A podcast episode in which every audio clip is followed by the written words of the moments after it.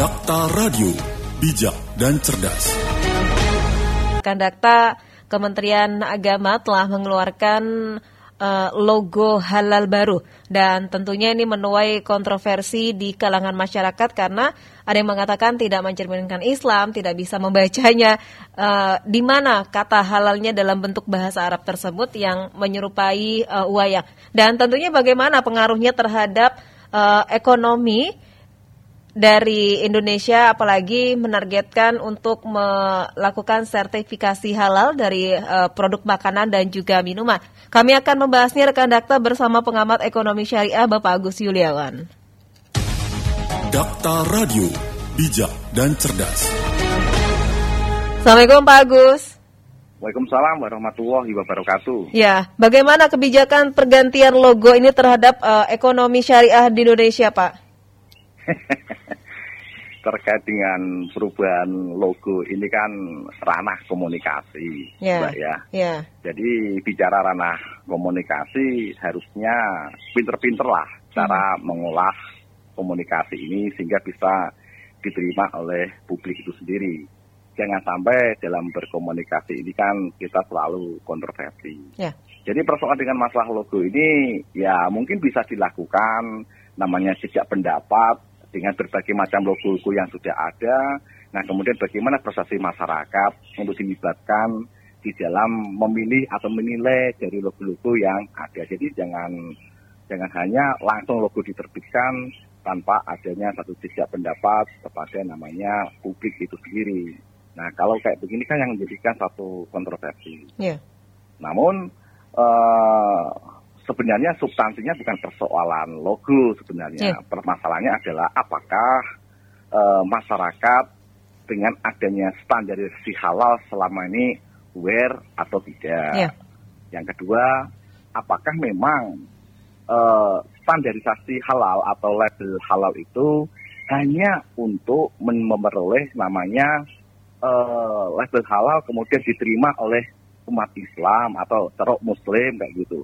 Ya, kalau kayak gitu kan tinjuannya kan sangat pragmatis.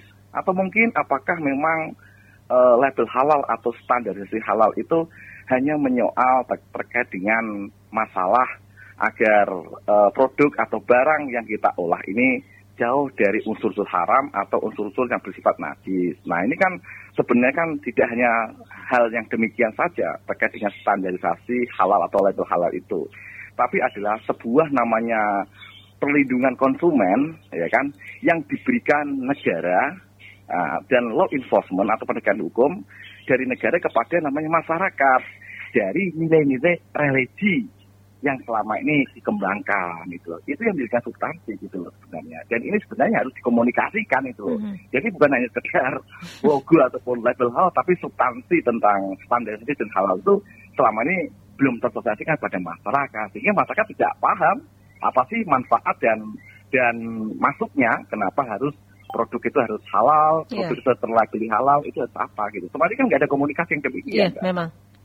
Iya. Yeah. Hmm. Jadi yang dipermasalahkan memang uh, logonya itu, tapi kan uh, bagaimana uh, komunikasi dari uh, pemerintah kepada masyarakat terhadap kebijakan-kebijakan yang dikeluarkan ini.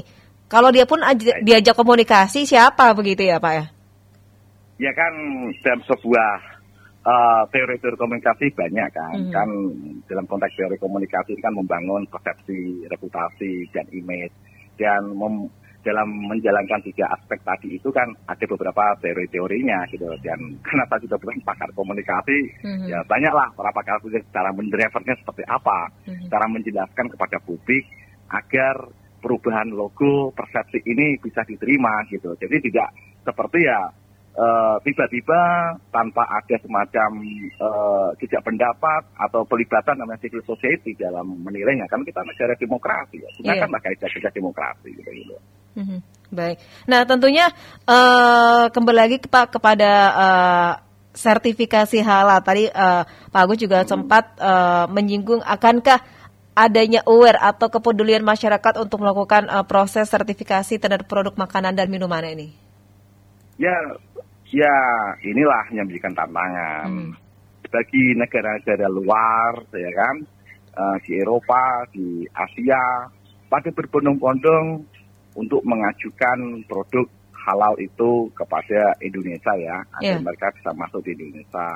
Itu mereka juga bukan persoalan eh, hanya sekedar pragmatisme itu yang saya, saya sebutkan, tapi adalah eh, substansi dari proses untuk standarisasi halal itu benar-benar sangat luar biasa dibandingkan dengan standarisasi-standarisasi yang lain gitu loh. Mhm.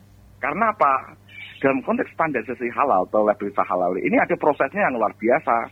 Bagaimana barang itu cara memperolehnya, cara mendistribusikannya, sampai bagaimana itu jaminan ketika itu dikonsumsi oleh masyarakat. Benar-benar benar-benar clear and clean enggak? Maka di sana itu ada namanya proses audit. Nah, audit ada dua, audit eksternal dari lembaga halal yang bersangkutan dan audit internal oleh perusahaan yang ditempatkan orang audit itu sendiri Mhm. untuk menguji dari kalangan. Jadi kalau masyarakat itu tahu seperti yang dipahami oleh teman-teman yang ada di luar negeri, maka orang akan berbondong-bondong kok tanpa harus dipaksakan. Mereka akan mengajukan kepada eh, pemerintah ataupun lembaga-lembaga ini untuk mengajukan namanya labelisasi halal. Mhm. Karena di sini ada bukan hanya momentum dapat label halal kemudian mudah dijual, enggak, tidak samanya, tidak seperti itu secara pragmatis gitu. Mhm. Baik, Pak kalau dibandingkan dengan negara-negara lain bagaimana Pak untuk eh, proses sertifikasi halal ini? kan eh, di beberapa negara-negara lain ya kayak di Malaysia kan ada juga Iya. tetapi eh, apa banyak mas teman-teman di beberapa negara kan kepen agar produknya kan bisa diterima oleh oleh masyarakat Indonesia karena customer di Indonesia kan sangat besar sekali kan Iya. Nah, seperti di Jepang, di Korea kan memandang Indonesia sangat banyak sekali em, penduduknya, maka kosmetik-kosmetik yang bagus-bagus dari Korea, kemudian beberapa produk-produk makanan, bagaimana bisa diterima? Kan harus ada standar sesuai halal. Dan ketika mereka melakukan standar halal juga bukan hanya berpengaruh pada sisi produk-produknya saja yang harus punya kualitas halal, tapi juga sistem manajemen mereka juga terpengaruh. Mhm. Karena dalam konteks standarisasi halal, otomatis mereka juga akan belajar tentang value-value tentang masalah masalah halal itu. Kan di sini kan ada tiga hal ya, halal memperoleh, halal mengkonsumsi, dan halal memanfaatkan. Nah, value ini kalau ditarik bahwa sesuatu yang halal itu adalah toiban atau atau baik ya untuk kesehatan. Mhm. Nah ini kan dipahami oleh eh, teman-teman yang ada di luar negeri bahwa standarisasi halal ini eh, lebih berkualitas daripada standar-standarisasi yang lain gitu. Nah cuma ini edukasi ini kan nggak pernah tersampaikan tak hari ini di masyarakat. Mereka kalau sudah label halal sudah merdeka kayak gitu kan nggak seperti ini pak, pak pemahamannya. Mhm. Baik, apakah Indonesia memang selalu dijadikan rujukan eh, terkait dengan eh, sertifikasi halal ini Pak? Ya, ya, ya karena eh, satu sisi ya eh, mereka melakukan rujukan karena jumlah dari penduduk Indonesia banyak ya terutama adalah Muslim dan kemudian eh, mekanisme eh, tentang masalah proses standarisasi halal yang diselenggarakan di Indonesia ini sangat bagus dibandingkan oleh negara-negara lain kan gitu kan. Mhm. Baik. Nah, setelah adanya ini Pak, apakah eh, antusiasme untuk melakukan sertifikasi halal ini dengan kemunculan logo barunya akan semakin meningkat atau ya nanti dulu lah begitu? Ya sebenarnya itu isu itu kan isu komunikasi. Ya. Tapi yang jelas dengan adanya undang-undang SJH, SJH ini jaminan halal, ya kan, itu kan mendorong bahwa domain terkait dengan masalah lembaga apa itu eh, halal Mhm. ini kan bukan hanya pada satu lembaga saja. Kalau tahun-tahun yang lalu kan satu lembaga saja, ya. Sehingga sekarang ini dengan ada undang-undang undang-undang yang terkait dengan halal itu mendorong banyak beberapa lembaga-lembaga, ya, ormas-ormas yang mendirikan lembaga halal gitu loh kan. Seperti di NU, di Muhammadiyah, di mana lagi, kan mereka kan juga mendirikan lembaga halal, kemudian halal center. Jadi persoalan masalah halal declare, ya Iya. itu bisa dilakukan oleh banyak lembaga-lembaga ini sehingga mendorong eh, animo masyarakat bahwa untuk melakukan namanya pengajuan halal tidak harus pada satu lembaga, banyak lembaga-lembaga yang lain. Oleh Mhm. itu di bawah eh, apa itu kontrol, apakah mekanisme dari eh, lembaga sertifikat halal yang di diciptakan oleh pemerintah saat ini. Mhm. Baik, Pak kalau melihat uh, makna ataupun filosofi nih, menurut Pak Agus bagaimana dari logo halal baru ini?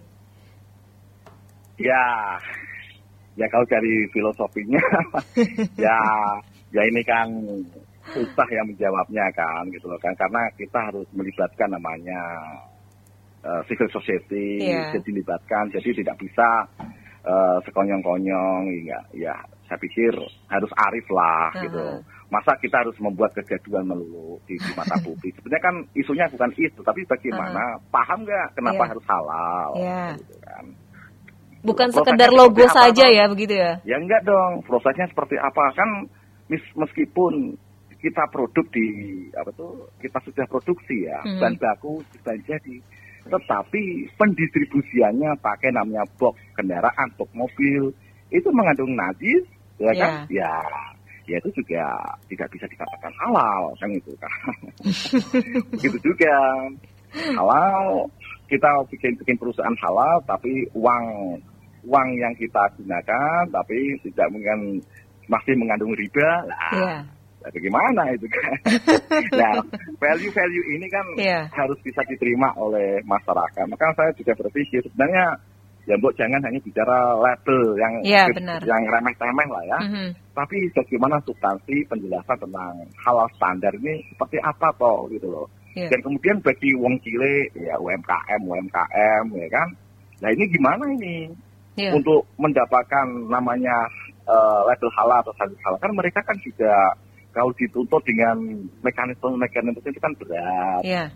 Ya maka kalau bisa terjadi sinergi sinergi lah misalnya uh, pedagang A selama ini membuat namanya uh, jualan Indomie kan itu mm -hmm. kan mm -hmm. uh, apa bahan bakunya Indomie atau ya bisa sinergi dengan pengusaha besar yang memproduksi Indomie kayak begitulah mm -hmm.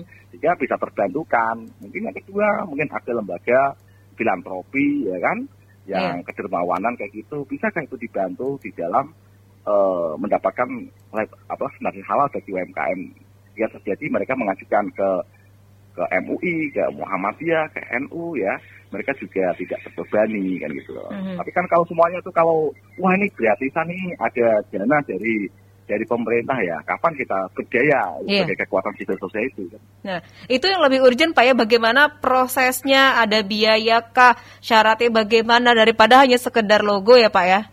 Lah ya kan di sini bukan hanya sekedar sekonyong-konyong namanya iya. produk, mm -mm. langsung dikasih sertifikasi kan enggak, iya. diteliti mbak, mm -mm.